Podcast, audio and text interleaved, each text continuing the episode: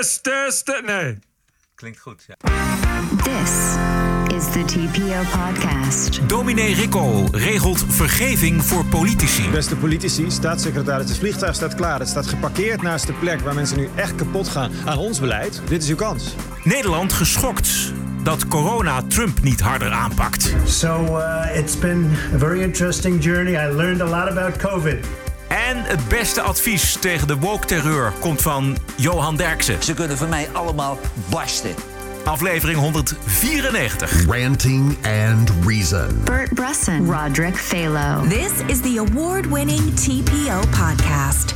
Het is eh, maandagavond 5 oktober. En de vraag is even of Bert tot ons komt vanuit Glasvezel City of niet. Nee, ik- dit is nog steeds de oude stek. Ik heb ook een appartementje gehuurd in de stad. En eh, dus heb ik eh, ook eh, snel glasvezel.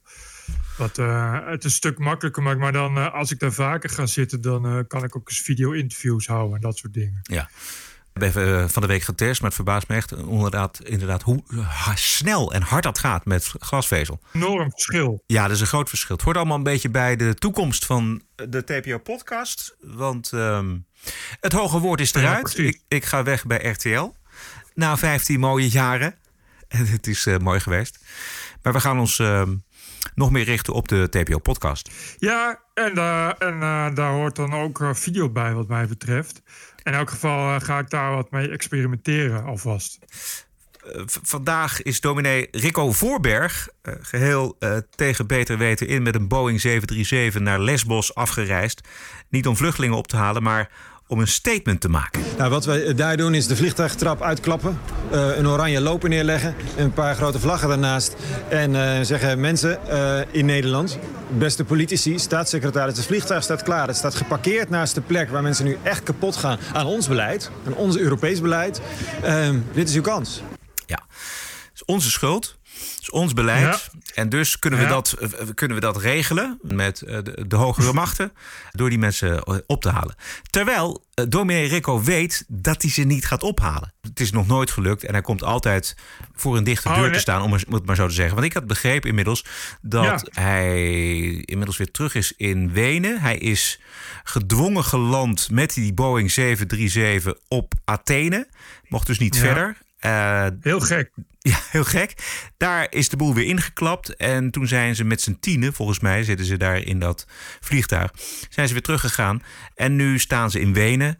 En dat kost me toch een klauwend geld, jongen. Ik weet niet of jij wel eens een Boeing 737 hebt gehuurd, Bert. Maar Nee, ik kost- weet dat de gewone, gewone zitplaats eh, aan boord van een Boeing al duur genoeg is. Dus als je een hele Boeing wilt huren, dat is dan eh pak een B 200, eh, 230 zitplaatsen. Zo, zoiets. Precies, ja. En wat dacht je van de CO2-uitstoot? En van de advertentie op de voorpagina van de Volkskrant in ieder geval, zag ik hem vanmorgen staan, maar vast ook nog in een aantal andere kranten. Dus dat, dat, dat is een, echt een enorme hoeveelheid geld. Zal ongetwijfeld bij elkaar worden verzameld door sponsoren, et cetera. Ik weet niet waar ze het geld precies vandaan komen. Misschien is dat ook wel eens aardig om dat uit te zoeken. Maar ehm, het levert niks op. En, en dominee Rico weet dat van tevoren. Want anders had hij het wel beter geregeld. Want je kunt niet zomaar met een vliegtuig op Lesbos landen en dan zeggen: jongens, eh, wie het eerst komt, wie het eerst maalt, kom maar op met die vluchtelingen. Dat is heel Ik, betwijfel eerlijk gezegd een, echt een beetje of hij eh, of, of die dat wel weet. Misschien is hij gewoon niet zo slim. Nee, dat is hij wel. Maar het- daarom gaat het niet zozeer. Hij weet, hij vertrekt met de, met de wetenschap dat hij geen vluchtelingen gaat ophalen. Dus hij doet het alleen maar voor de publiciteit. Er stond ook heel veel pers stond er op Rotterdam Airport om hem uit te zwaaien. Dat, daar, ging het, daar gaat het allemaal om.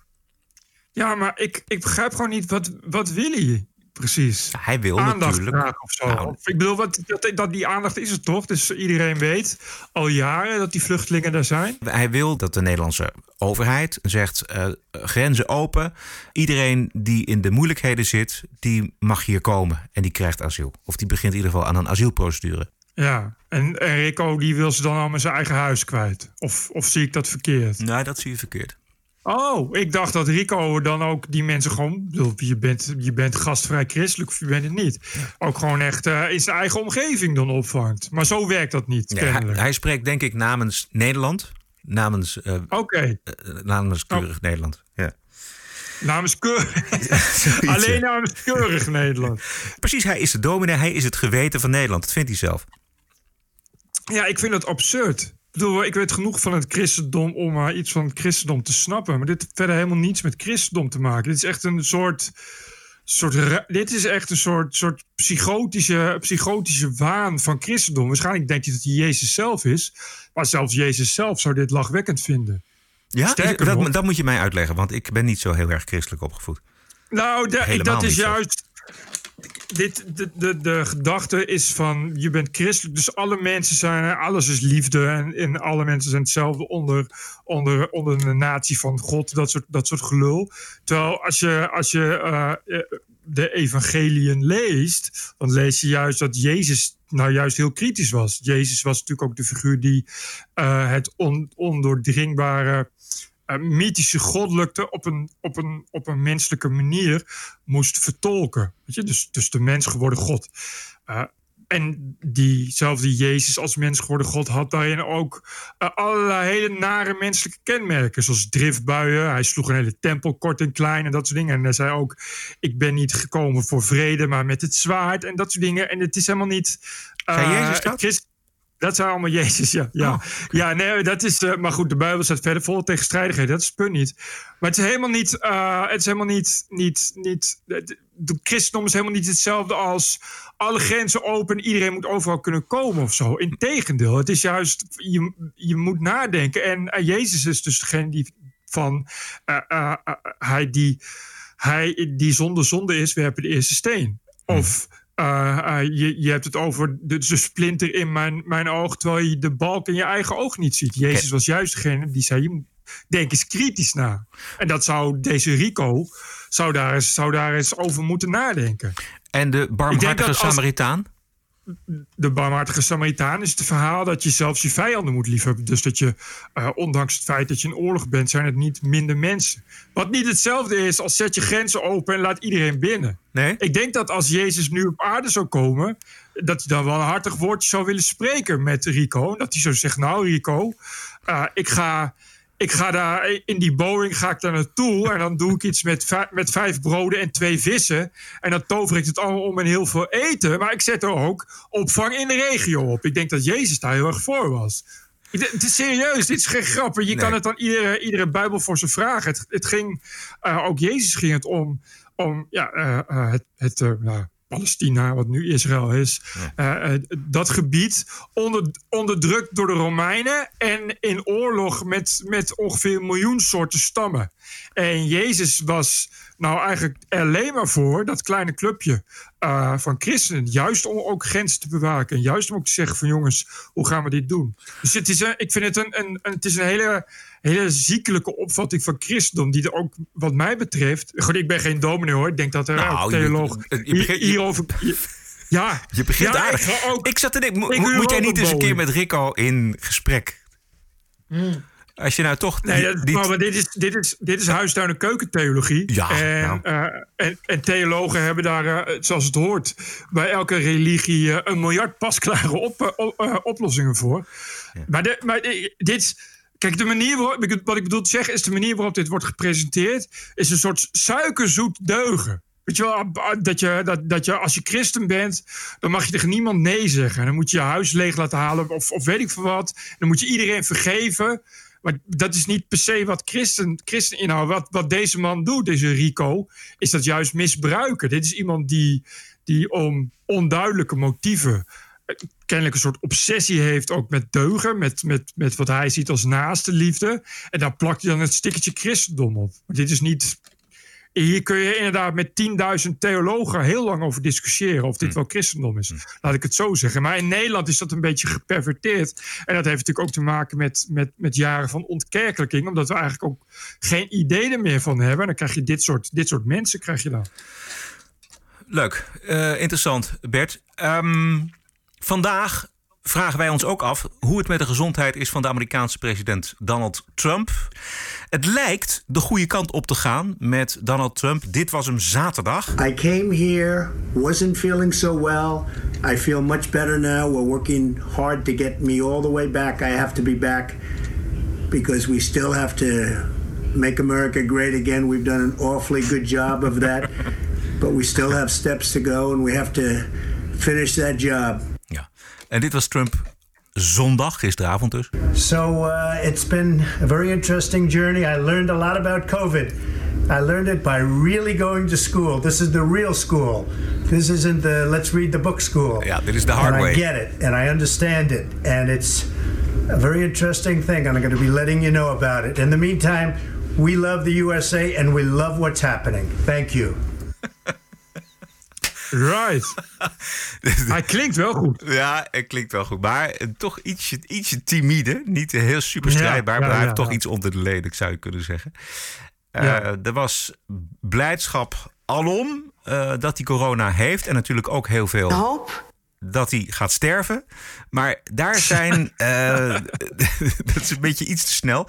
Ik kwam op Twitter een aantal mensen tegen. Sabine de Witte bijvoorbeeld. eh, zij is journalist en zij schreef: Donald Trump besmet met het coronavirus. Melania ook. Iets met boontje en loontje. Zal dit probleem zich voor november zelf opruimen? Vraagteken. Tering. Microbioloog Mark Bonten van het UMC Utrecht die schreef: Coronavirus Trump verdwijnt in november. En een wetenschapsredacteur van de Volkskrant, Maarten Keulemans, die eh twitterde Oh, daaronder: LOL. En Helene Mees, die eh, twitterde: God bestaat. En die kreeg er natuurlijk weer heel erg veel eh, commentaar op. Ehm, Terecht. ja, maar ja, ze, het wil niet onmiddellijk zeggen dat zij bedoelt dat Trump dood moet. Kijk, Trump heeft natuurlijk eh, niet een echt een hele goede reputatie, laat ik het zo zeggen, op het gebied van eh, coronabestrijding. En als je het dan uiteindelijk toch zelf krijgt, ja. Het kan ook een hele ernstige ziekte zijn. Om dat nou iemand te gaan toewensen, Nou, dat, precies. sneu. Nee, dat vond ik ook, dat, eh, eh, daarom hebben we het er ook over. Ehm, God bestaat dus, zei Helene Mees. Maar aan wiens kant God staat, dat zegt Helene er niet bij. Trump weet het eigenlijk wel. If you look at the therapeutics, which I'm taking right now, some of them, and others are coming out soon that are looking like, uh, frankly, they're miracles coming down from God. Juist. Juist. Gelukkig. Juist. Toch mooi dat God dan aan die kant staat, hè? Ja, ja. Dat was toch altijd wel een beetje de vraag. Van Ja, welke dat- kant staat God? Maar ja. nu weten we het. Ja, nu weten we het, ja. Het is toch opvallend hoe, eh, hoe groot de blijdschap was eh, afgelopen dagen dat eh, Trump het kreeg. Ik vind het trieste dat Nederlanders dat roepen. Ja. Die, die Nederlandse obsessie voor Amerikaanse, voor Trump, dat begrijp ik gewoon niet. Ja, Nederlanders hebben er ver- verder geen zak mee te maken. Eh, het is niet hun president en ook niet hun land. En eh, ze weten er waarschijnlijk ook het fijne niet van. Ze volgen dat waarschijnlijk alleen via Nederlandse verslaggevers. Dus weet je, dan denk ik, wat een, wat een obsessie. Ik, kijk, ja, ik, dat Trump derangement syndrome, dat snap ik als je, als je in, in, in de VS woont en bij de democratische elite hoort, dan snap ik dat je daaraan lijdt. Maar je ziet daar dan, dan, dan Nederlanders die daar dag in dag uit helemaal niets mee te maken hebben, helemaal niets van weten, die hebben dat ook. Ik denk van ja, wat, wat is, hoezo dan? Waarom, waarom is dat zo'n obsessie voor je? Ja. Want en, volgens mij kunnen die mensen ook helemaal niet uitleggen. Die mensen die zeggen inderdaad ook dingen. Weet je, ja, goed dat die doodgaat, fascist en zo. En dat, ik- dat ik denk van, volgens mij als je die mensen vraagt, van, leg ze uit dan. Wat, eh, wat Trump allemaal verkeerd heeft gedaan, dan kunnen ze dat volgens mij ook helemaal niet. Frank Lammers, die zegt dat hij misschien wel. eh, nou, die heeft dus nu succes met, eh, met dat undercover. Want dat is, dat is op Netflix en dat wordt dan wereldwijd uitgezonden. En dan kan die, kan die dus, zou die dus eventueel naar Hollywood kunnen. En toen zei hij in een interview: Nou, ik ga niet naar Hollywood, want Trump. Eerst moet Trump maar eens weg. Dan zien we wel verder. Maar, dat is iemand, serieus, dat is iemand die. Nou, die kan acteren, maar daar houdt het wel mee op. Dat is nou niet iemand dat je zegt, jongen, dat is even een, eh, dat is even een, eh, een eh, intellectueel van Ja. formaat. Als je die vraagt, geef eens drie voorbeelden van waarom Trump slecht is voor Amerika. Dan krijg je, oh, is toch iedereen een beetje seksist zo. Alsof het iets uitmaakt voor de Verenigde Staten. Frank Lammers, dan ga je toch lekker niet naar Hollywood. Nobody cares. vind jou, denk ik. Ja, nee, de Hollywood, Hollywood heeft, heeft eh, liggen sidderen en beven, kan ik je vertellen. Het Witte Huis was echt in paniek. Frank Lammers niet naar Hollywood. Hoe moeten we nu verder? Alle Hollywood-iconen hebben ook een kaart gestuurd aan. We love you, Frank Lammers. Dat begrijp je. Oké, goed. Ander onderwerp. Wij zouden het best wel eens een weekje niet over eh, burgemeester Halsema van Amsterdam willen hebben. En eigenlijk hopen Bert en ik dat iedere week. En hoop is overal om ons heen aanwezig. Maar met hoop schiet je niet zo heel veel op. Zo wopte de Telegraaf zich een weg naar het overleg tussen de burgemeester, de korpschef en de hoofdofficier van justitie, Jeroen Steenbrink, ten tijde van de beroemde Black Lives Matter demonstratie op de Dam op 1 juni jongsleden. Waar te veel mensen waren die de coronaregels aan hun laars lapten. Halsema was daar zelf ook, zonder mondkapje, maar wel op gepaste afstand. En uit het gewop van de Telegraaf blijkt nu dat de hoofdofficier van justitie niet expliciet besloten heeft om wel of niet op te treden tegen demonstranten die zich op de dam niet hielden aan de anderhalve meter maatregel.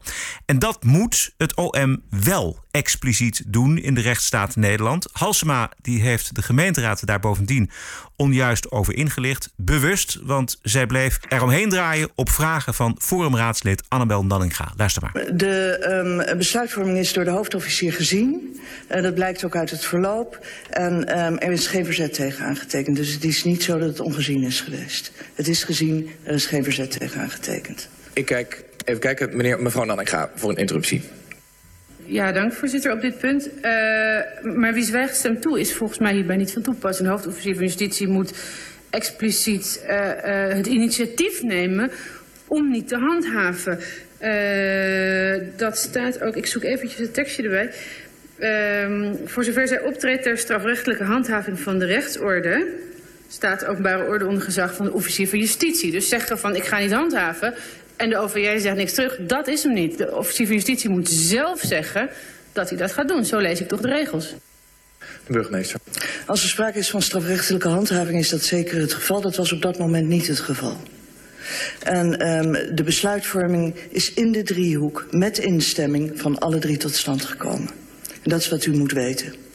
Mevrouw Nanninga, voor volginterruptie. Ja, dank voorzitter. Uh, we hebben het hier over het niet handhaven van die coronaregels. Uh, dat is wel degelijk een strafbaar feit waar de officier van justitie actief over moet beslissen.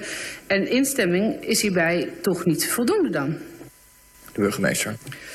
Op het moment dat er individueel geverbaliseerd gaat worden op het niet afstand houden van um, uh, de coronaregels, moet er, uh, dan moet er strafrechtelijk worden opgetreden. Er was geen sprake op dat moment van het individueel handhaven door middel van verbaliseren. Er was sprake van een openbare ordeverstoring waarbij het noodzakelijk was dat mensen uit elkaar gingen.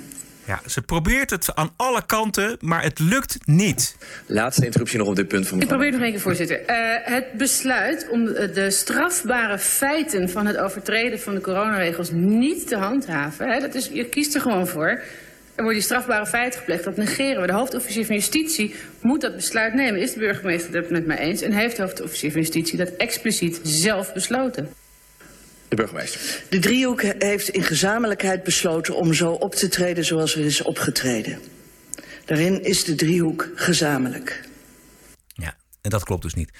Want dat blijkt. Dat is gelogen. Ja, dat is gelogen. Want het, uit die, uit die, die WOP-procedure van de Telegraaf blijkt dat het dus helemaal niet een driehoeksbesluit is. Het OM is niet volwaardig betrokken geweest. De hoofdofficier Epte voor het OM is van belang dat wij bij het besluit gisteren niet betrokken zijn geweest. Waar de communicatie wel wordt gesteld dat er een driehoeksbesluit is. Exact. En, maar het OM voegde daar volgens mij aan toe dat ze dan wel achter die communicatie staan. En de bottom line is dat, dat het dus niet een driehoeksbeslissing was. Juist. Daarvan wel op de hoogte was en dus akkoord is gegaan met daarover te liegen die heeft dus letterlijk gezegd: Oké, prima als je het zo communiceert. Maar wij waren er niet bij betrokken. Nee. Welke blaam treft Halsema? Ja, die heeft gewoon gelogen, dat hoor je net. Ja. Was zij niet bepalend in het, het ziet er mooi uh, vredig uit en wat is het toch een geweldige bijeenkomst? Nou, dat kan als de officier er niet bij is als het geen driehoek is, maar een tweehoek, dan, uh, dan heb je al snel dat de macht naar de burgemeester gaat. Ja. Dus die zal, die zal haar beslissing dan hebben genomen. En volgens mij blijkt ook uit andere, uit, uit andere gewopte appgesprekken in dat Telegraafartikel. Uh, dat ze dat inderdaad zo vond. Van het, het, het ziet er allemaal geweldig uit. Uh, en het was, laten we deescalerend optreden. Ja. Nee, wat was het? super maximaal deescalerend optreden. Iets, iets, iets dergelijks was, was de opdracht die de, politie onder de, die de politieleiding onder de politie verspreidde, als ik het wel heb. Super deescalerend. nogmaals, zonder het OM dan te raadplegen. Of zonder de hoofdofficier daarin te betrekken. En Halsma komt hier natuurlijk mee weg, want een ruime meerderheid eh, van links in de gemeenteraad. De oppositie in de gemeenteraad van Amsterdam zijn de VVD, eh, Forum en het CDA. Die zijn uh, niet te spreken, maar zijn machteloos. Nou, sowieso. Uh, het, CDA, het CDA doet bijna nooit iets. Die zijn daar te bang voor en te laf. Uh, Diederik Boomsma is een goede knul, maar CDA, dat krijg je dan toch een beetje. Uh, de VVD is, uh, die doen nou heel hard hun best, maar dat zijn, uh, die hebben de vorige keer toch ook al wel fouten gemaakt en zijn teruggefloten door de andere VVD's. Dus het ziet er niet naar uit dat die eigenlijk ook iets willen doen. En dan hou je als oppositie eigenlijk alleen FVD over. Wat eigenlijk inmiddels al, kunnen we wel zeggen, geen FVD meer is, maar gewoon Annabel Nanninga. Dus je houdt eigenlijk, ja... En Kreuger. Ik bedoel, ik wil niet... En, en, en Kreuger, dat, die wil ik, Kevin Kreuger wil ik absoluut niet overslaan. Nee, zeker niet. En natuurlijk Willetje van Soest van de oudere partij. Ja. Uh, maar uh, dat zijn dan zo'n beetje de enigen die ook bereid zijn om een motie van wantrouwen in te dienen. En aan uh, de burgemeester te vragen op te stappen. Dus dat is zo goed als nul. En de rest zit, zit muur en muur vast. En houden de rijen dik gesloten. En deze burgemeester kan verder doen wat ze wil die, die kan liegen en bedriegen tot zijn ons weegt. Die linkse coalitie gaat er niet voor zorgen dat die burgemeester opstapt. Zin speelde jij nou net eventjes op een uh, breuk tussen uh, Nanninga en Baudet? Nee, ik zinspel helemaal nergens op. En dat was ook absoluut niet mijn bedoeling. Okay. Uh, nee, ja, nee ik, ik, waar ik op zin speel is dat iedereen Thierry Baudet helemaal zat is. En dat Thierry Baudet uh, inmiddels een, een, een, een, een totaal geflipte complotdenker is. Die uh, per peiling hele complete zetel zakt. Niet onterecht. Als je één keer een FVD-journaal hebt gezien, begrijp je wel een ja. beetje waarom. niemand meer echt vertrouwen heeft in Thierry Baudet. Uh, en, en, tegelijkertijd Annabel Nanninga, die het sinds het begin ja, eigenlijk gewoon heel goed doet. Ja. Wat echt, echt, echt een toppolitica is gebleken. Getalenteerd politica die uh, uh, in haar eentje, of samen met Kevin Kreuger...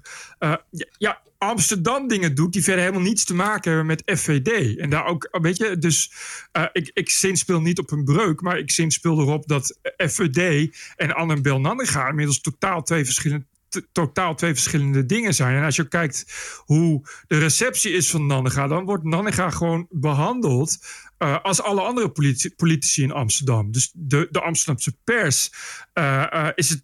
Weet je, in het begin ging het over FVD. Want FVD was natuurlijk het grote nieuwe rechtsgevaar en fascisme, et cetera, et cetera. ja, daar is qua Nanninga helemaal niets van gebleken. en, en, en het is nu eigenlijk ja, een, een soort gevestigde kritische partij. waarvan eigenlijk vriend en vijand erover eens is dat ze het wel heel goed doen in Amsterdam. Ja. Uh, wat verder dus helemaal los staat van FVD. Je kan Chris Alberts, uh, onze bevriende uh, journalist van TPO, heeft dat laatst ook al geconcludeerd. de communicatie vanuit Baudet en vanuit landelijk FVD over de successen, en dat zijn er best veel, van uh, Nannega en FVD Amsterdam, is de laatste maanden gedropt tot ongeveer nul. Uh, dus dat geeft wel aan dat daar ook niet zo heel veel meer behoefte is uh, uh, tussen, tussen Amsterdam en, en FVD. In elk geval niet vanuit FVD.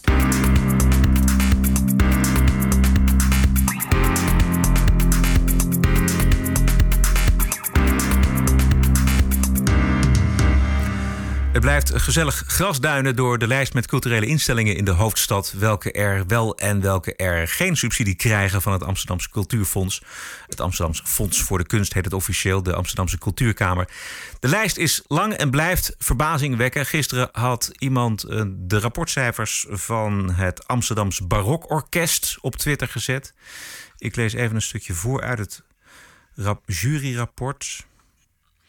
Door de internationale bezetting is er in, bij dat ensemble, de barokensemble, sprake van culturele diversiteit in het ensemble, maar niet in de zin van een bredere presentatie van verschillende culturele achtergronden in de stad. De organisatie is klein en kent geen culturele diversiteit.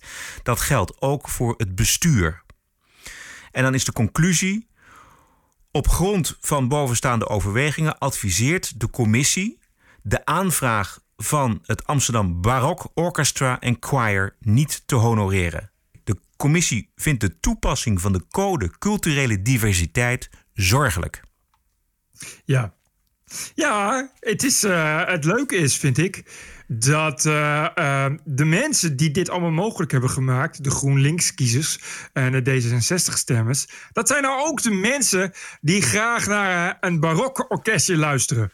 Dus die waren, zag ik op Twitter, ineens heel boos. En die vonden het allemaal te ver gaan. Maar ja, dat krijg je met deugen. Ja. Je, als je maar lang genoeg deugt, gaat het vanzelf een keer tegen je werken. Ja. Dit is wat uh, de mensen hebben gewild door, uh, door uh, dit soort, dit soort dit soort waanzinnige 1984-achtige constructies op te tuigen om meer diversiteit in je kunsten te krijgen. Dit was uh, toch uh, het grote linkse paradepaardje. Dit was toch wat deugende mensen ons uh, met z'n allen moeten willen in de grachtgordel. Nou moeten we even erbij zeggen, Bert, dat dit landelijk beleid is. Want dit is namelijk de Raad voor Cultuur in Den Haag ja. die dit heeft geadviseerd aan de minister van Onderwijs en Cultuur. En dit geldt voor heel Nederland in principe. En maar hoe strikt en hoe heftig het wordt aangepakt en gehanteerd, moet ik eigenlijk zeggen, uh, dat hangt natuurlijk per gemeente uh, hangt dat af. Oh, ik snap, je, hoe moet je een, een barokorkest, hoe moet je dat divers krijgen dan? Ja. Weet je, wat moet je dan? Wat, wat moet je zwarte, zwarte zangers of zo? Of, nee, ik, wat, het, ja, dat, dat moet je, jij moet iets met je repertoire doen. Net, dat wel, we hebben het al een keer eerder gezegd. Ja, niet, te, weinig, niet, te weinig niet-westerse muziek in het uh, barokorkest. Nee, het, het barok tijdperk. Ja. Wat, uh, wat willen ze daar verder inclusief aan hebben? Dat waren allemaal witte mannen, dat klopt. Dat was ook uh, een tijdperk lang geleden. Dat is een beetje het probleem als je uh, uh, instellingen hebt die muziek maken uit een bepaald tijdperk. Dan kun je dat niet ineens inclusief maken, want dat was toen niet zo. Ja. Het gaat ook vooral om wat we in de cursussen, diversiteitscursussen zien. En wat de bedoeling van die cursussen is, is namelijk een soort bewustzijn creëren bij mensen dat ze niet te wit moeten zijn.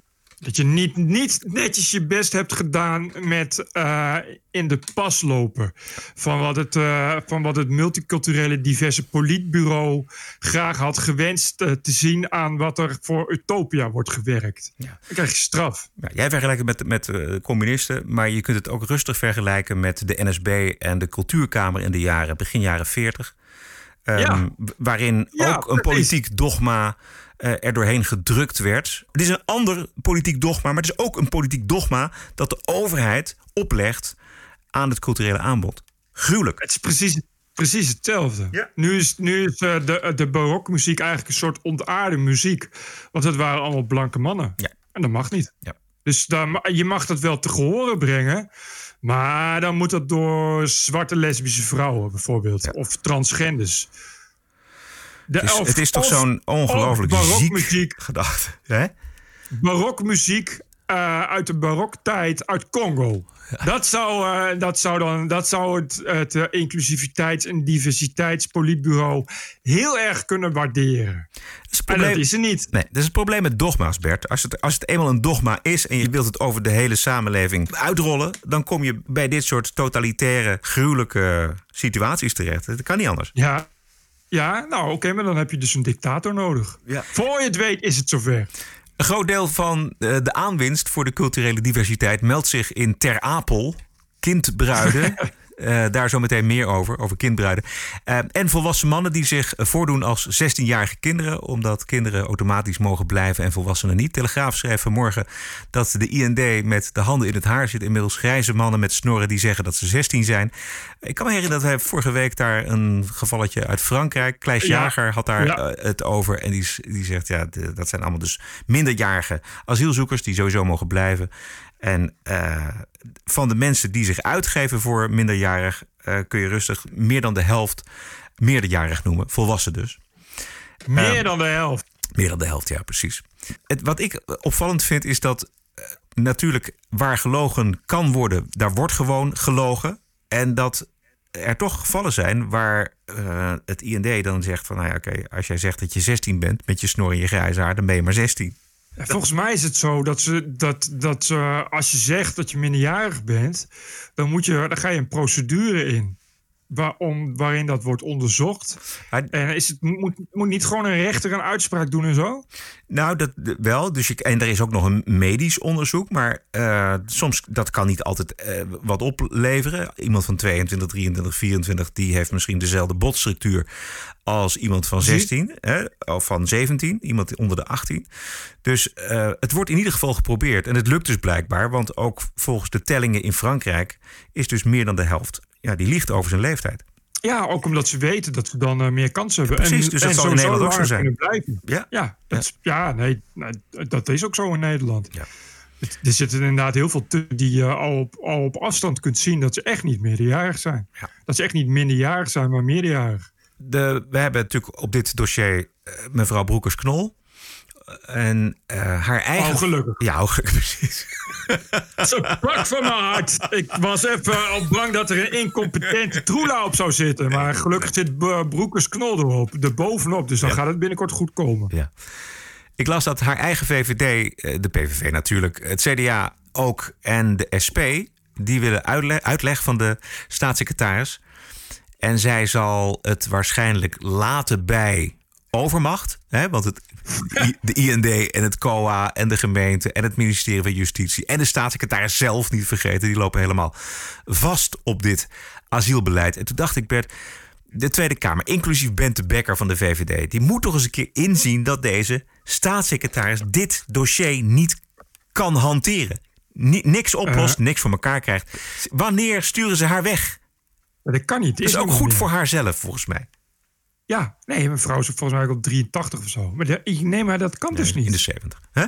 Dat kan niet. Nee, maar dat, nee, de VVD heeft niemand meer. Dat is het hele punt. Uh, die, er vast, is vast nog wel iemand te vinden. En bijvoorbeeld Mark Harper zit nog in de Kamer. En die, die zou best wel weer terug, kunnen, eh, terug willen, volgens mij, op dat uh, departement. Maar eh, vooral gewoon om. Kijk, laat de VVD zich dan zorgen maken over dat ze straks bij de verkiezingen volgend jaar niet kunnen presenteren dat ze iets hebben klaargespeeld op dit, dit terrein. Nou, dat, volgens mij interesseert ze dat helemaal niet. Daar moet Bente Becker toch ook eh, bevreesd voor zijn? Ja, ze staan natuurlijk ja. hoog in de peilingen, dus zo bang zijn ze niet. Dat, dat bedoel ik. Dit is Nederland, weet je. Ik bedoel, uh, Nederland gaat gewoon weer, uh, straks gewoon weer 36 zetels VVD. Dat, het maakt helemaal niks. Het maakt echt helemaal niks uit. Serieus. Het is gewoon. Je, ik, ik, ik weet het ook niet. Ik, ik, ik lig daar zelfs, zelfs wakker van. Dat ik denk van hoe kan het toch? Dat VVD, dat is toch wel echt eh, eh, de laatste regeringsjaren één lange faal geweest. En dan kijk je naar de peilingen. En dan lees je wat mensen zeggen. En dan zeggen mensen, Masano Rutte heeft het gewoon goed gedaan. Heeft gewoon, heeft gewoon ons goed door de crisis geloodst. Heeft de onderste steen boven gehaald in MA17. Corona fantastisch gedaan. Dat heeft vooral te maken met het gedrag van Baudet, denk ik. Um, maar ik denk ook met de agressie van Wilders. Hij heeft absoluut gelijk op een hoop uh, onderdelen. En is natuurlijk een geweldige politicus en doet het heel goed als oppositievoerder. Maar ik heb duizend keer liever Rutte aan het hoofd van het kabinet in tijden van crisis dan Baudet omdat er dus uh, uh, geen betrouwbaar alternatief voor Rutte op rechts is, blijven toch die rechtse mensen VVD stemmen. Ja, en vergeet ook niet dat de VVD een electoraat heeft wat voor een groot gedeelte bestaat uit uitermate keurige, fatsoenlijke mensen. Ja. Weet je, het is echt het Hans Dijkstal-electoraat is nog volop in leven. Ja. Dus, uh, dus uh, Dixieland spelend uh, tuinfeestjes Wassenaar en het Gooi. en Bloemendaal en you name it. Dat is allemaal VVD. Die gaan never nooit niet op de PVV of FVD stemmen. Een groot gedeelte van de VVD haat echt de PVV. Dat is, dat zijn, dat is echt, de PVV staat echt mijlenver van dat soort mensen af. Het zijn echt keurige, fatsoenlijke mensen. Ons soort mensen stemmen niet op dat soort partijen, weet je wel.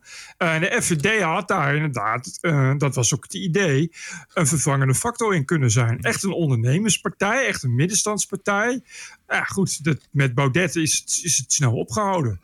Maar, maar dus heb je als, als keurige VVD echt geen enkele keus. Echt nul. 0,0. Ja. Dan moet je weer naar de VVD. Dan ga je dus weer naar de VVD. Ja. Maar strategen bij de, zowel de PVV als bij uh, Forum zouden hier aan moeten denken. Nou, bij het Forum heeft dat niet zoveel zin. Want het Forum is Thierry Baudet. En dan kun je 110 uh, strategen opzetten. Maar die luistert alleen naar zichzelf als hij in zijn spiegelbeeld lult. Dus dat niet. Uh, en het PVV heeft natuurlijk een islamstandpunt waar niet onderuit ja. te komen is. Ja. waar VVD echt niet voor te vinden zijn. Dus dat heeft ook niet zoveel zin. Nou goed, dan, dan wint de VVD met Rutte. Ook leuke verkiezingen straks in Nederland in maart volgend jaar. Um, nog even over de culturele diversiteit.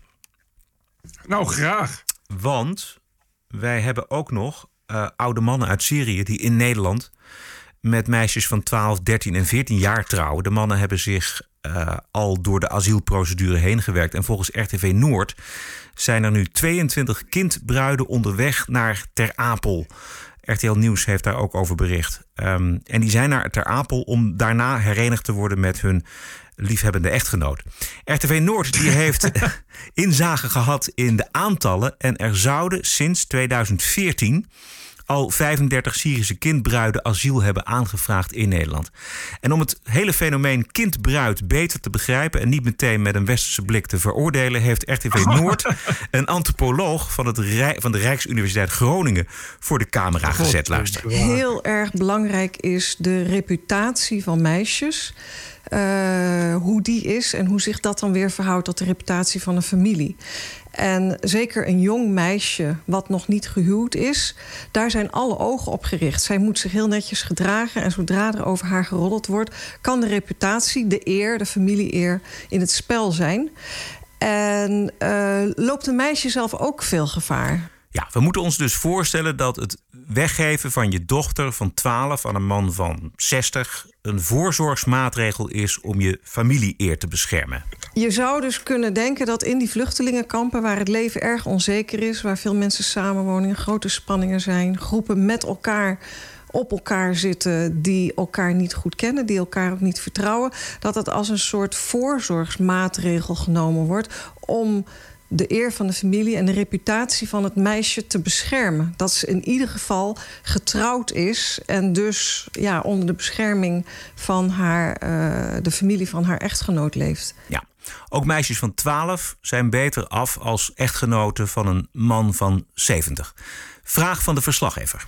Dus waar wij denken, juist in zo'n kindhuwelijk loop je risico om veel te vroeg uh, seksuele contacten te hebben ja, dient het misschien juist als bescherming? Ja, ik. Oh. Nee, maar kijk, van een antropoloog kan je dit soort antwoorden. Kun je, kun je, daar kun je iets bij voorstellen. Maar dat een verslaggever dan deze vraag stelt. Maar goed, wat zou je zeggen, Ben? Ja, dit, ik, dit, zo gaat het telkens. Weet je, dit is, die staat, hier zeggen ze eigenlijk letterlijk: het is gewoon een mooie cultuur, daar moet je respect voor hebben. Het gaat gewoon om, om 70-jarigen die met meisjes van 12 trouwen. Er is geen haar op iemands hoofd die kan denken dat een 12-jarige met een 70-jarige wil trouwen. Nul. Geen enkel. Niet, iedereen weet dat. En toch gebeurt dat.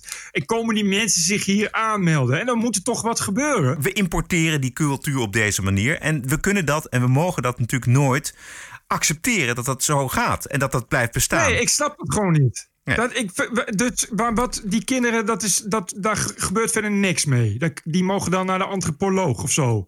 Die ze gaat vertellen dat het toch eigenlijk wel een mooie, mooie spirituele opvatting is. Van uh, dingen die wij in Nederland al lang geleden zijn vergeten of zoiets. Weet je, ik, ik, dit is toch gewoon criminaliteit die je niet wil hebben? Ja, dit is puur criminaliteit. En uh, wat ik begrijp is dat de Tweede Kamer... die heeft nu een wet die dit soort zaken moet verbieden. Dus huwelijken worden alleen erkend als beide partners 18 jaar of ouder zijn. Eerste Kamer moet zich nog uitspreken over de wet. En dat uh, gaat waarschijnlijk volgende maand gaat dat gebeuren. Het duurt allemaal eindeloos lang, want die zijn praktijken die al jaren spelen.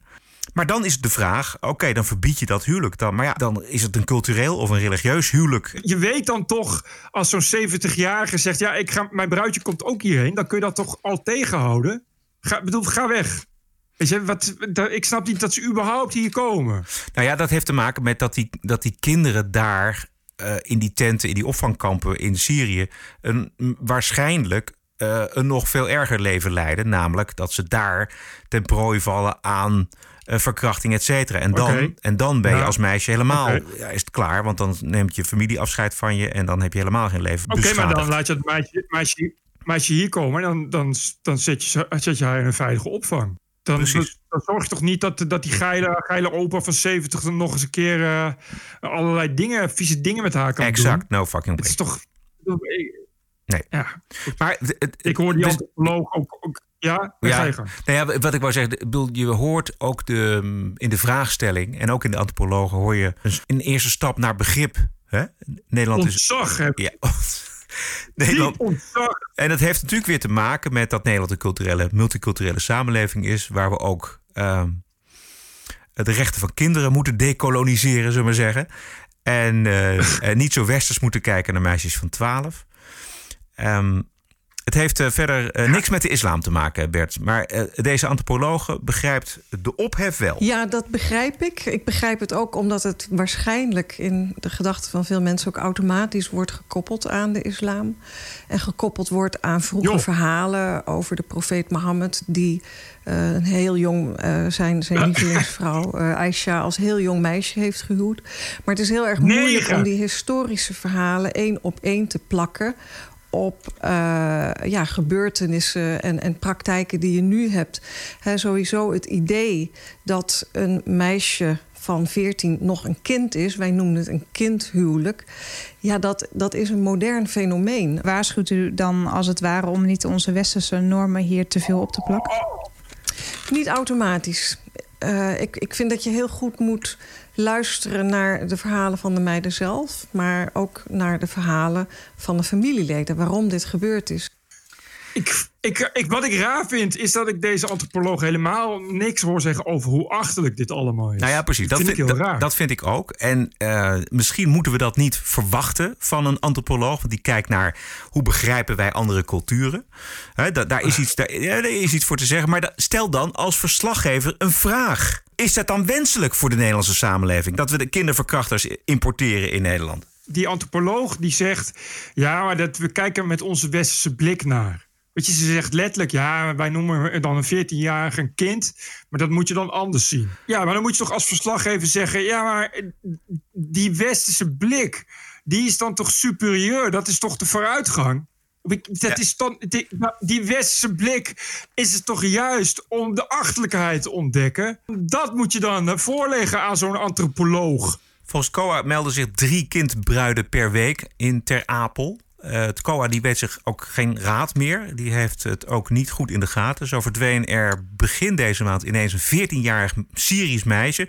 Ze was hoogzwanger, 14 jaar hoogzwanger... en verbleef sinds anderhalve maand in Ter Apel. Politie gaat ervan uit dat ze samen met haar echtgenoot is gevlucht... en ergens in Oost-Europa zit. Maar dit is ook een zaak waar bijvoorbeeld een organisatie als uh, uh, Fun for Freedom al enorm zich voor inzet en vecht om dit uh, niet geaccepteerd te krijgen in de Nederlandse samenleving. We gaan naar de Woke Week. I was offended and I have rights. TPO Podcast. You're an adult. Grow up. Deal with it. I don't care. care. Ja, excuses aan de rest van Nederland, maar we zijn een beetje uh, hangen we naar Amsterdam, want wij krijgen toch wel weer een onderwerp over Amsterdam.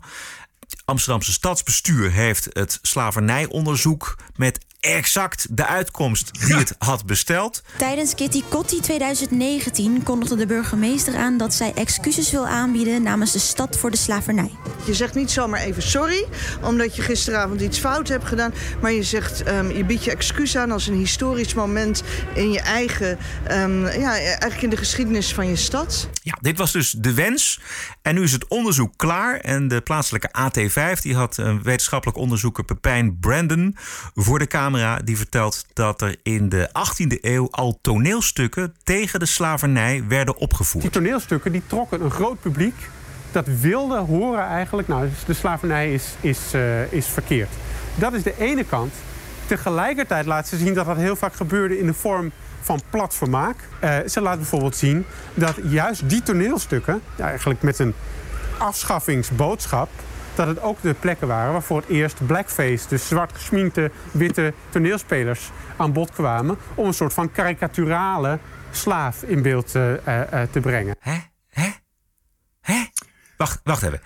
Een toneelstuk dat de slavernij ter discussie stelt, kan dat ook zonder zwarte smink, is de vraag? Nee, natuurlijk.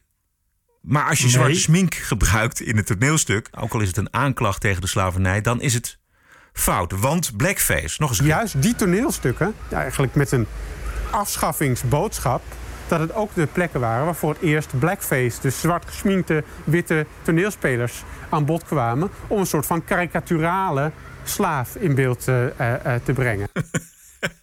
Volgens mij was het helemaal niet karikaturaal, maar goed. Nee, maar goed, nee, precies. Maar, nee, maar dit is, dit is, hier komt alles samen. Hier komt namelijk uh, de woke samen van vandaag de dag.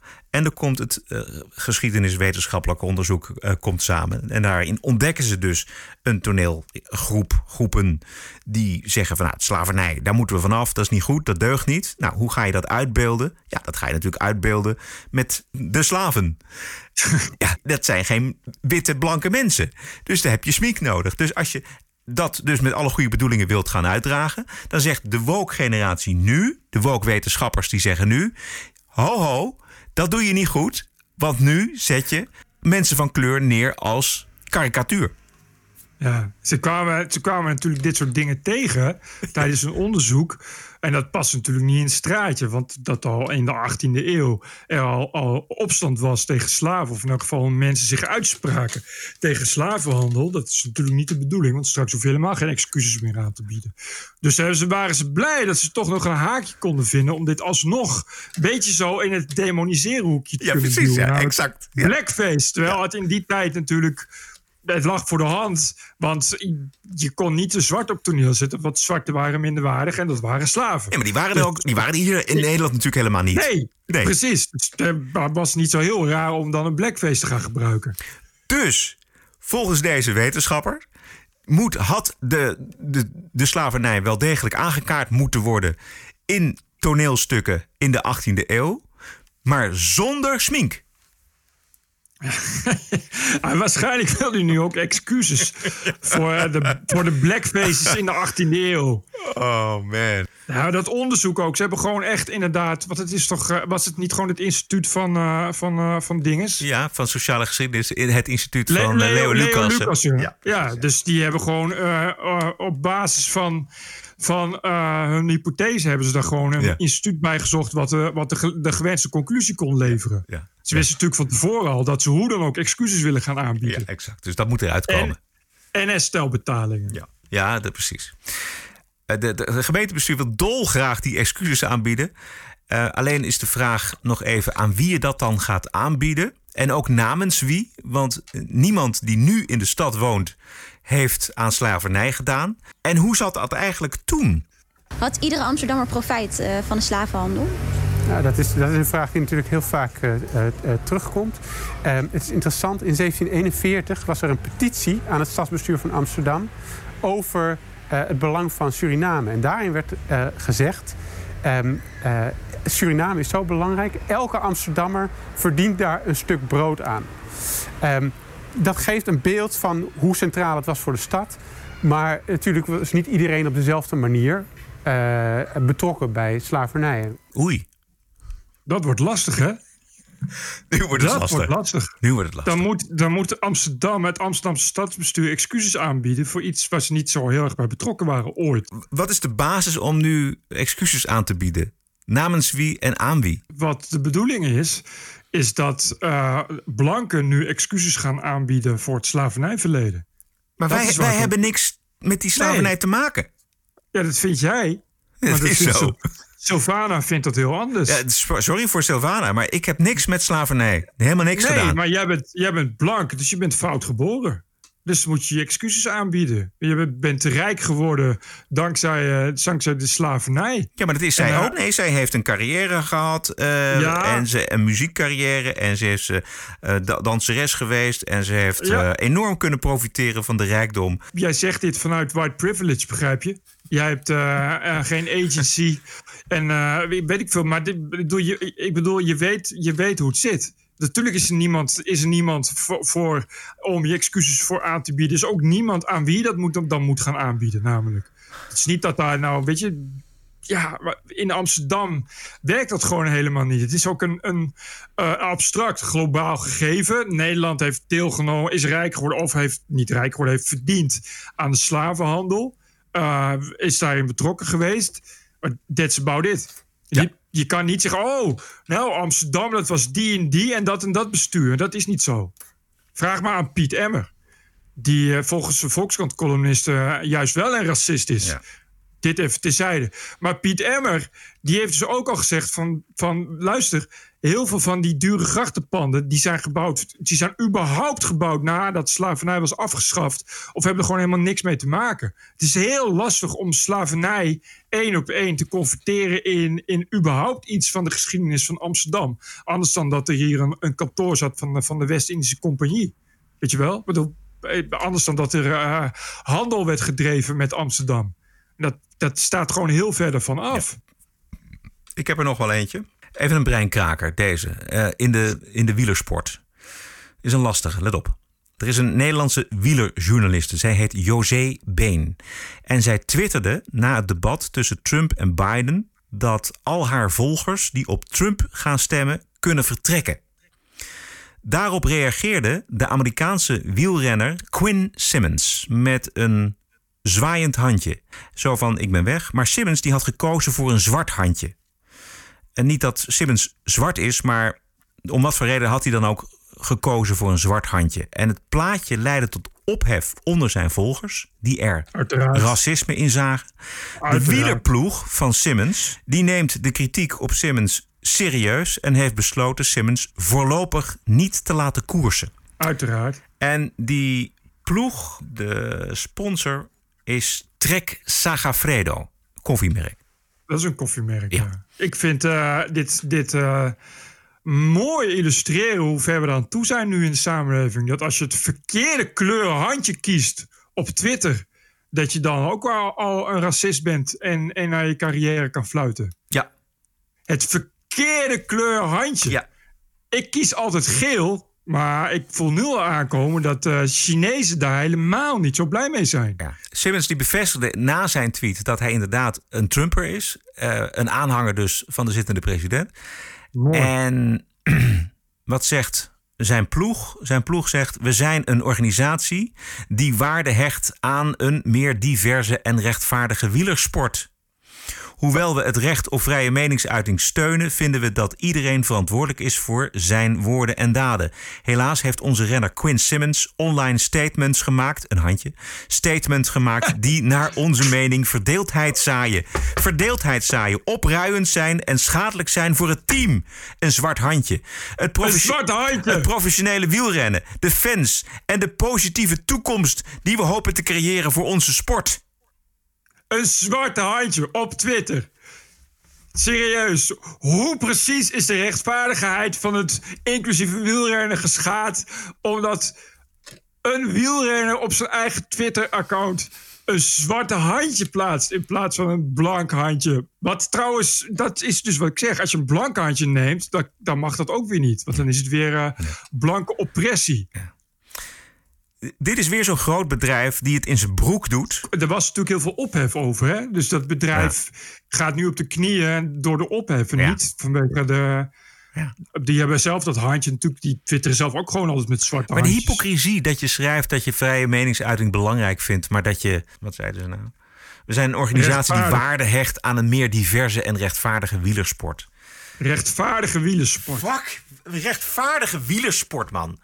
Je mag leiden dat er nooit doping is gebruikt in, uh, in, in, in deze. Wat is, wie, wie is dit eigenlijk de, die, die nu op de knieën gaan? Is dat uh, de sponsor of de ja, ploeg? De sponsor, of zo? Ja, de sponsor, de ploeg. De ploeg. Ja, dit okay. Kijk, de sponsor heeft natuurlijk gezegd, die heeft onmiddellijk aan de, aan de telefoon gehangen. Die zegt: Wacht even, we hebben een, uh, een wielrenner in ons midden. Die stemt Trump. dat is niet goed voor ons merk. Die Quinn ha. Simmons, neem maatregelen. En die ploeg... Freda koffie. Ja. Dat drink je zwart. Ja. Ik weet niet. Ik, dat wordt, uh, wordt lastig. Die gaan gewoon uh, dan een hete tijd. Uh, want het is, dat is zeker Fredo koffie. Is espresso automaat koffie. Ja. Dus dat drink je nooit met melk. Drink je altijd zwart. We weten Sorry. inmiddels hoe de paniek dun door de broek loopt bij grote uitgevers. Dit soort grote bedrijven. Multinationals, mediabedrijven. Ehm, als de gekwetste medemens zich weer eens meldt. Vrijdag deed Johan Derksen een boekje open. Luister. Ik ben in sommige dingen zo teleurgesteld. Ik maak een grapje over Aquasi. Iedereen wist dat dat een grapje was. Het was nog niet eens zo'n slecht grapje.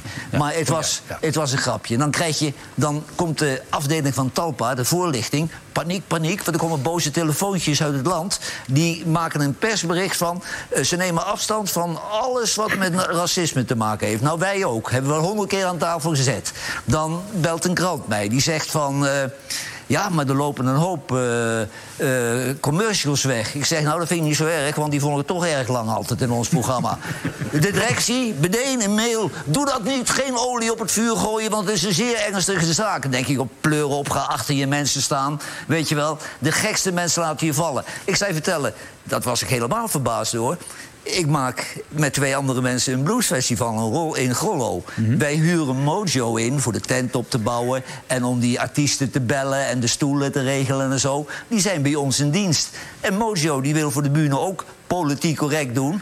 Die gaan dan een persbericht ingeven van... ze weten niet of ze nog wel met mij willen samenwerken. Dan denk ik, joh, ik weet niet of ik jullie volgend jaar nog nodig heb. Weet je wel, dat schijnheilige gedoe. Ze schreeuwen moord en brand omdat ze op instorten staan. En dan gaan ze voor de bühne, allemaal voor de bühne. En ik zou je vertellen, Wilfred, ik sta er heel makkelijk in. Ik ben 71 jaar, ik heb mijn hele leven een grote muil gehad. Eh, ik ben onaantastbaar. Als meneer de Mol het te gek vindt worden, stuurt hij weg, geef ik jullie een hand... en dan ga ik zingend naar Drenthe terug. Ze kunnen voor mij allemaal barsten. Het wordt tijd dat we een standbeeld gaan bouwen voor Johan Derksen. Van goud. Heel hoog en groot, graag. Ja. En dat we eh, eh, cursussen Johan Derksen gaan doen. Ja. Bij grote bedrijven. Cursus, cursussen ballen groeien. Dat je, dat je dat ook kan aanbieden. Echt, het is echt, het is onbeschrijfelijk wat je hoort. Hij heeft helemaal gelijk. Zo'n mojo, dat je ook denkt, van, wat gaan we nu krijgen? Eh, ik, je wil niet meer met mij samenwerken. Goh, misschien is het wel zo dat ik niet meer van jullie diensten gebruik wil maken. Ja. Weet je, en dat, dat vind ik ook die rare arrogantie van die adverteerders. Weet je, die Albert Heijns en die Gillette. Dat denk ik van, goh, weet je, misschien is het wel zo dat de consumenten wel eens een keer uitgekeken zijn op jullie. In Ja. plaats van omgekeerd. Maar is dat niet Derksen, idee? Derksen zegt het goed, want het, het gaat om het persbericht. Mojo brengt een persbericht uit. Kijk ons is Johan Derksen veroordelen. Dat is het. Een beetje misbruik maken van dit soort dingen voor, voor een PR-moment. Het is verraad, man. Het is smerig Verraad. verraad. Dat is het. Mojo werk je gewoon al tijden samen met iemand als Johan Derksen... en die duw je dan een, een roestige dolk in zijn rug. Het is NSB-gedrag. Puur verraad. Al die bedrijven die moet je gewoon een keer verzamelen... en dan eh, eh, die platformen en cancelen. Huh. Oh nee. nou ja. Nog, hè, Derksen had nog, eh, die was nog niet uitgesproken. Arie Nobody Boomsma, die, die dan meteen roept van... commercials moeten weg. En dat grote, grote firma's waar je tegenaan kijkt... die denken, oh, Arie Boomsma zegt van dat dat een racist is. Gauw weg, gauw weg. Nou, ze zijn weer terug, want ze weten hier zijn kijkers te halen. Joh, het is allemaal hypocriet, achterbaks. Het is om misselijk van te worden. Zo- Zo'n zo'n zo'n Arie Boomsma, hè, dat, die roept dan op... oh, de- die adverteerders moeten daar weg. Ik snap dat niet. Het is zo smerig, jongen. Het- Als ik John de Mol was geweest, dan was ik gewoon echt met een camera naar die Arie Boomsma gegaan. En gezegd: luister eens, waar ben je mee bezig, jongen? Hè? Weet je, wat eh, zullen we het eens over jouw carrière hebben en dat is eh, naast mijn carrière leggen? Weet Ja. je, waar heb je het over? Het ik snap niet dat je daar ook als talpa dan niet op reageert. Dat je dan ook niet gewoon voor je zaken opkomt. Precies, Dat achter je dan mensen ook- gaat staan. dat je dan ook niet zegt... "F- Fuck you, Arie Boomsma. Wij houden van Johan Derksen. Dat is namelijk het programma wat we maken. En als jij gaat oproepen dat adverteerders weggaan... ben je onze zaak aan het slopen. Misschien moeten we jouw sportschool eens komen slopen. Weet je, ik, ik snap dat niet. Dat die mensen dat dan allemaal maar... Weet je, maar heel braaf dan maar weer, weer, weer, weer zeggen... No, no, no, we willen er niet op reageren. En Misschien... eh, Nee, omdat iedereen het maar in zijn broek doet. Omdat ze allemaal bang en angstig zijn. Omdat er een groot dogma over Nederland en over Europa en over Amerika hangt. Dat je je moet gedragen. En als je daarvan afwijkt of je hebt de verkeerde kleur, verkeerde huidskleur... of je komt met de verkeerde ouders, kijk dan maar uit. De TPO-podcast. Een eigenzinnige kijk op het nieuws en de nieuwsmedia. Elke dinsdag, elke week, het hele jaar door. Zonder reclame, zonder een cent subsidie. 100% onafhankelijk. Wat is het jou waard? Word lid van de TPO-tribe. Kies zelf een bedrag of kies 52 euro per jaar. En dat is maar 1 euro per week. De TPO-podcast. Wat is het je waard? Ga naar tpo.nl slash podcast. Ergens in november gaan we naar twee shows per week. Bert en ik zullen voor een belangrijk deel uh, leven van de donaties uh, voor ons uh, werk met deze podcast. En we gaan dat gewoon een tijdje aankijken of dat lukt. Als dat lukt, dan gaan we ermee door. Als het niet lukt, dan moeten we toch een exit-strategie bedenken, Bert. maar we gaan Talpa. Talpa. Ja, precies. Dan verkopen we onze ziel aan, aan Talpa. als ze die ziel willen hebben, überhaupt. maar goed, donaties toelichten, dat kan. Ons e-mailadres is info.tpo.nl. En wil je doneren, dan moet je naar tpo.nl slash podcast. Bert, hebben wij nog reacties gekregen?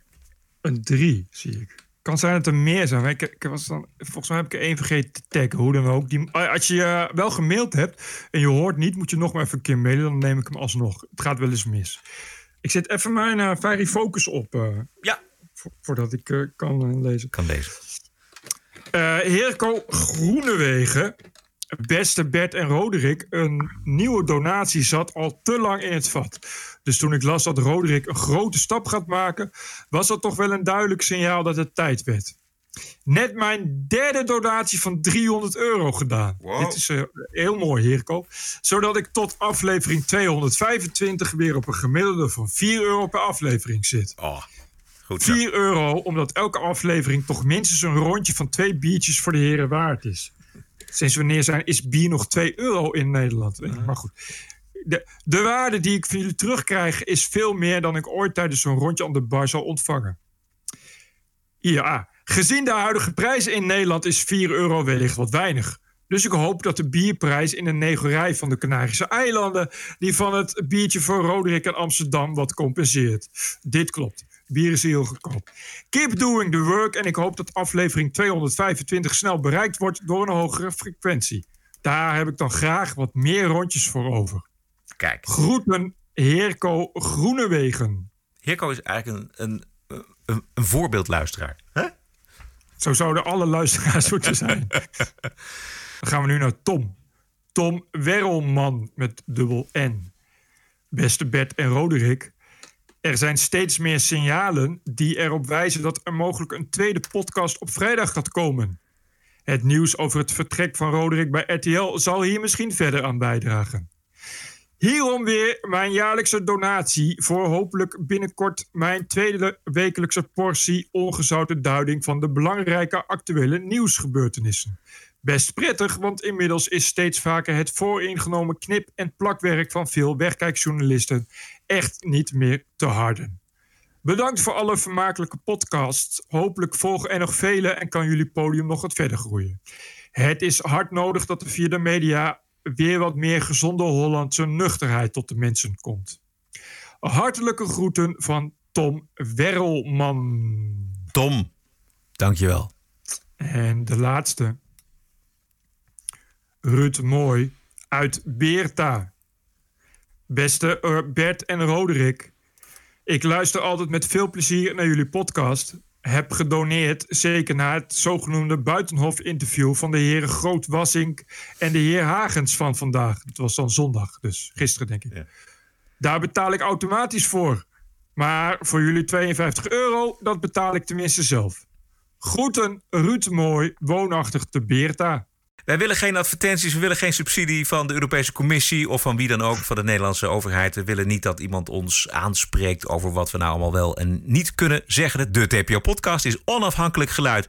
En wij maken dat. En misschien heeft het waarde voor jou. Heeft dat geen waarde, dat is ook goed. Heeft het wel waarde, het kan een euro zijn, het kan 100 euro zijn, het kan 500 euro zijn. Dat is helemaal aan jou. Wij sturen je dit, deze podcast. En stuur ons dan wat je het waard vindt. Een plek om te waarderen. tpo.nl slash podcast. This is us. This is our country. This is CNN breaking news. I believe that the president is literally an existential threat. Stop the hammering out there. Who's got a hammer? Make America great again. New York Times and CNN have also smeared veterans like myself. This video was taken during a heated exchange with an unidentified man who called Cuomo Fredo. Stop the hammering. This is the TPO podcast. News 630 WMAL, Washington. Het wachten is op eh, de verbetering van de gezondheid van Donald Trump natuurlijk. Ik hoop dat dat ook gebeurt. Zo makkelijk mogen ze niet van hem afkomen.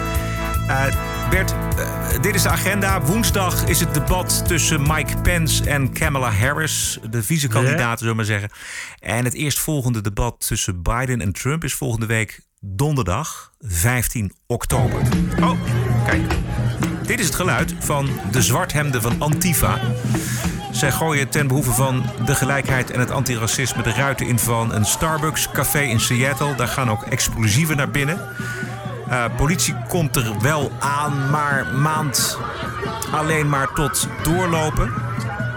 En de antiracistische kinderen van de rechtvaardigheid... die wandelen ook gewoon verder naar hun volgende doel. Uh, Seattle dus. Wat een uh, verschillige tolerantie, hè? Ja. Vreedzaamheid zie je er echt van afspatten, gewoon letterlijk. Die gasten lopen dus langs een, een Starbucks café wat dicht is. En die, die, die kiezen dat gewoon at random uit. En niets, niemand legt ze iets in de weg. Helemaal niks. Er gaat ook geen alarm af. Er is helemaal niks. En dan gaat er, zijn ze eindeloos bezig om daar een gat in een raam te krijgen. En dan hup, gaan er explosieven naar binnen. En de politie komt dan even heel die, achteraan shocken. Zo van doorlopen, doorlopen. En niemand wordt opgepakt of zo, niks. Ik, het is, ik snap het ook niet. Nee. Dit, ik bedoel, wat is er? Dat zal er wel uh, de afspraak zijn dat er moet worden gedeescaleerd of zo. Zoiets. Het is toch raar dat je gewoon een pand in de fik kan steken? Ja. En dat de politie dan komt en zegt: ja, oké. Okay. Terwijl je moet al die gasten en, en, en meiden moet je gewoon allemaal oppakken. Gewoon heel simpel. En ja. huiszoekingen doen. Je moet er gewoon korte metten mee maken. Dit kan toch niet? Dit is, dit is pure anarchie, is dit. Ja, dit is wat, die, uh, ja, wat de antifa's willen. Ja. ja, maar dat wordt dus gewoon gedoogd door, uh, door uh, democratische burgemeesters. Ja. Die vinden dat allemaal prima. Want Trump. Sowieso. Ja. Het is sowieso allemaal de schuld van Trump. Ja. Dus als je eigenaar bent van een Starbucks, dan ja, is het schuld van Trump. Wil, weet je, de, dan moet je maar dan moet je dat maar aanhoren. Nee, maar als je dan, stel dat je dan nog voor. Stel dat je tegen racisme demonstreert en tegen mm. onrechtvaardigheid. Wat is de gedachte om dan uh, het eerste de beste Starbucks restaurant wat je tegenkomt uh, te molesteren en in de fik te steken? Niet. Niet. Het, het is gewoon, het is gewoon vernielzucht. Dat is het. Gewoon, dat gewoon is willen het. vernietigen. Ja. Ik, want Starbucks, iets, symbool van kapitalisme of zoiets. Nou, Terwijl, de, de, de baas van Starbucks is. Wou net zeggen. Progressiever krijg je ze niet hoor. Wou ik net zeggen, hè? Dat, dan gooi je ook nog eens een keer de verkeerde, ja. maar de verkeerde eruit in. Dus, dit is de verkeerde kapitalist. Ja. Nee, maar het is gewoon pure vernietigingsdrang. Dit is, ja. Dat is ook waar ze voor staan. En het zijn ook allemaal, uh, of allemaal, maar het zijn natuurlijk allemaal uh, uh, middenklasse jongeren die zich vervelen. En, uh, en heel veel obesitas uh, dames. Als je de, uh, de mugshots in de krant en op online ziet... dat die Amerikanen zich daardoor laten re regeren. Dat is eigenlijk niet te, niet te vatten gewoon. Zei je nou, zei je nou obesitas? Ja. Dat mag niet, dat is vetshaming. Ja, dat is allemaal worst je moet, je moet zeggen plus size. Ja. Ik heb alleen nog een bonusquote, Bert. Heb je nog wat... Nee. Waarvan we dachten, dit moeten we nog eventjes melden. Hmm. Nee. Oké. Okay. This is the TPO podcast. En de bonusquote is van de Amerikaanse stand-up comedian en schrijfster Bridget Fatesi. Op bezoek bij Joe Rogan. Zij schrijft onder meer voor Gillette en voor The Spectator. En een oh heel lang gesprek van drie uur. Onder meer over waarom mensen elkaar zo te lijf gaan op sociale media. Omdat, zegt zij, de echte problemen op zijn. Yeah, there's problems, obviously, but everybody overall, it's never been more convenient and easier for humans to just exist. And I sometimes feel like, is this just humans because they're not fighting and trying to like survive they're self-destructing and having to create that reality for themselves is is life just too easy this is part of the problem with social media is like the problems that you have today are big to you because you do not have big problems right ja Zo is het wel. Ik denk, dat, ik, denk, ik denk dat het zo is. Ik ook dat het zo is. Dat is ook de reden waarom het, waarom het altijd dit soort middenklasse kindertjes zijn. Die hebben, eh, die hebben ge- geen enkel probleem ooit in hun leven gehad, überhaupt. Terwijl, eh, ja, als je, als je eh, elke dag eh, in, in de staalfabriek staat, op het land moet werken, heb je dan niet echt tijd hè, voor dat soort dingen. Dan wordt het een beetje eh, dan wordt het lastiger. Ja. Voor wie het hele gesprek wil horen, het is echt aan te bevelen. Die kan naar de Joe Rogan Experience nummer 15141. Nou, tot zover dan. Hè, lekker. Dit was weer een lekkere aflevering, weer- Roderick. de Heel fijn. Ik, ik valideer dit, Roderick. Je valideert dit. Leuk dat ik hierbij mag horen, Roderick. De TPO-podcast is te vinden op iTunes en, Spotify, eh, maar ook op Soundcloud. En natuurlijk op tpo.nl. Zeer veel dank voor de ondersteuning deze week. Maar die ondersteuning die hebben we elke week nodig. Waarderen kan op tpo.nl slash podcast. En post kan naar info.tpo.nl. We zijn terug 13 oktober, dat is een dinsdag. Heb een mooie week en tot dinsdag. Jij ook, Glenn. Glenn! TPO Podcast. Bert Bruson, Roderick Balo, Ranting and Reason. My father used to explain to me that radio was actually a better medium. He used to say to me, I like radio better. I said, why? That because you have to use your imagination. Podcasting is the TPO podcast in the Netherlands. Bert and Roderick. What a show. I'm telling you.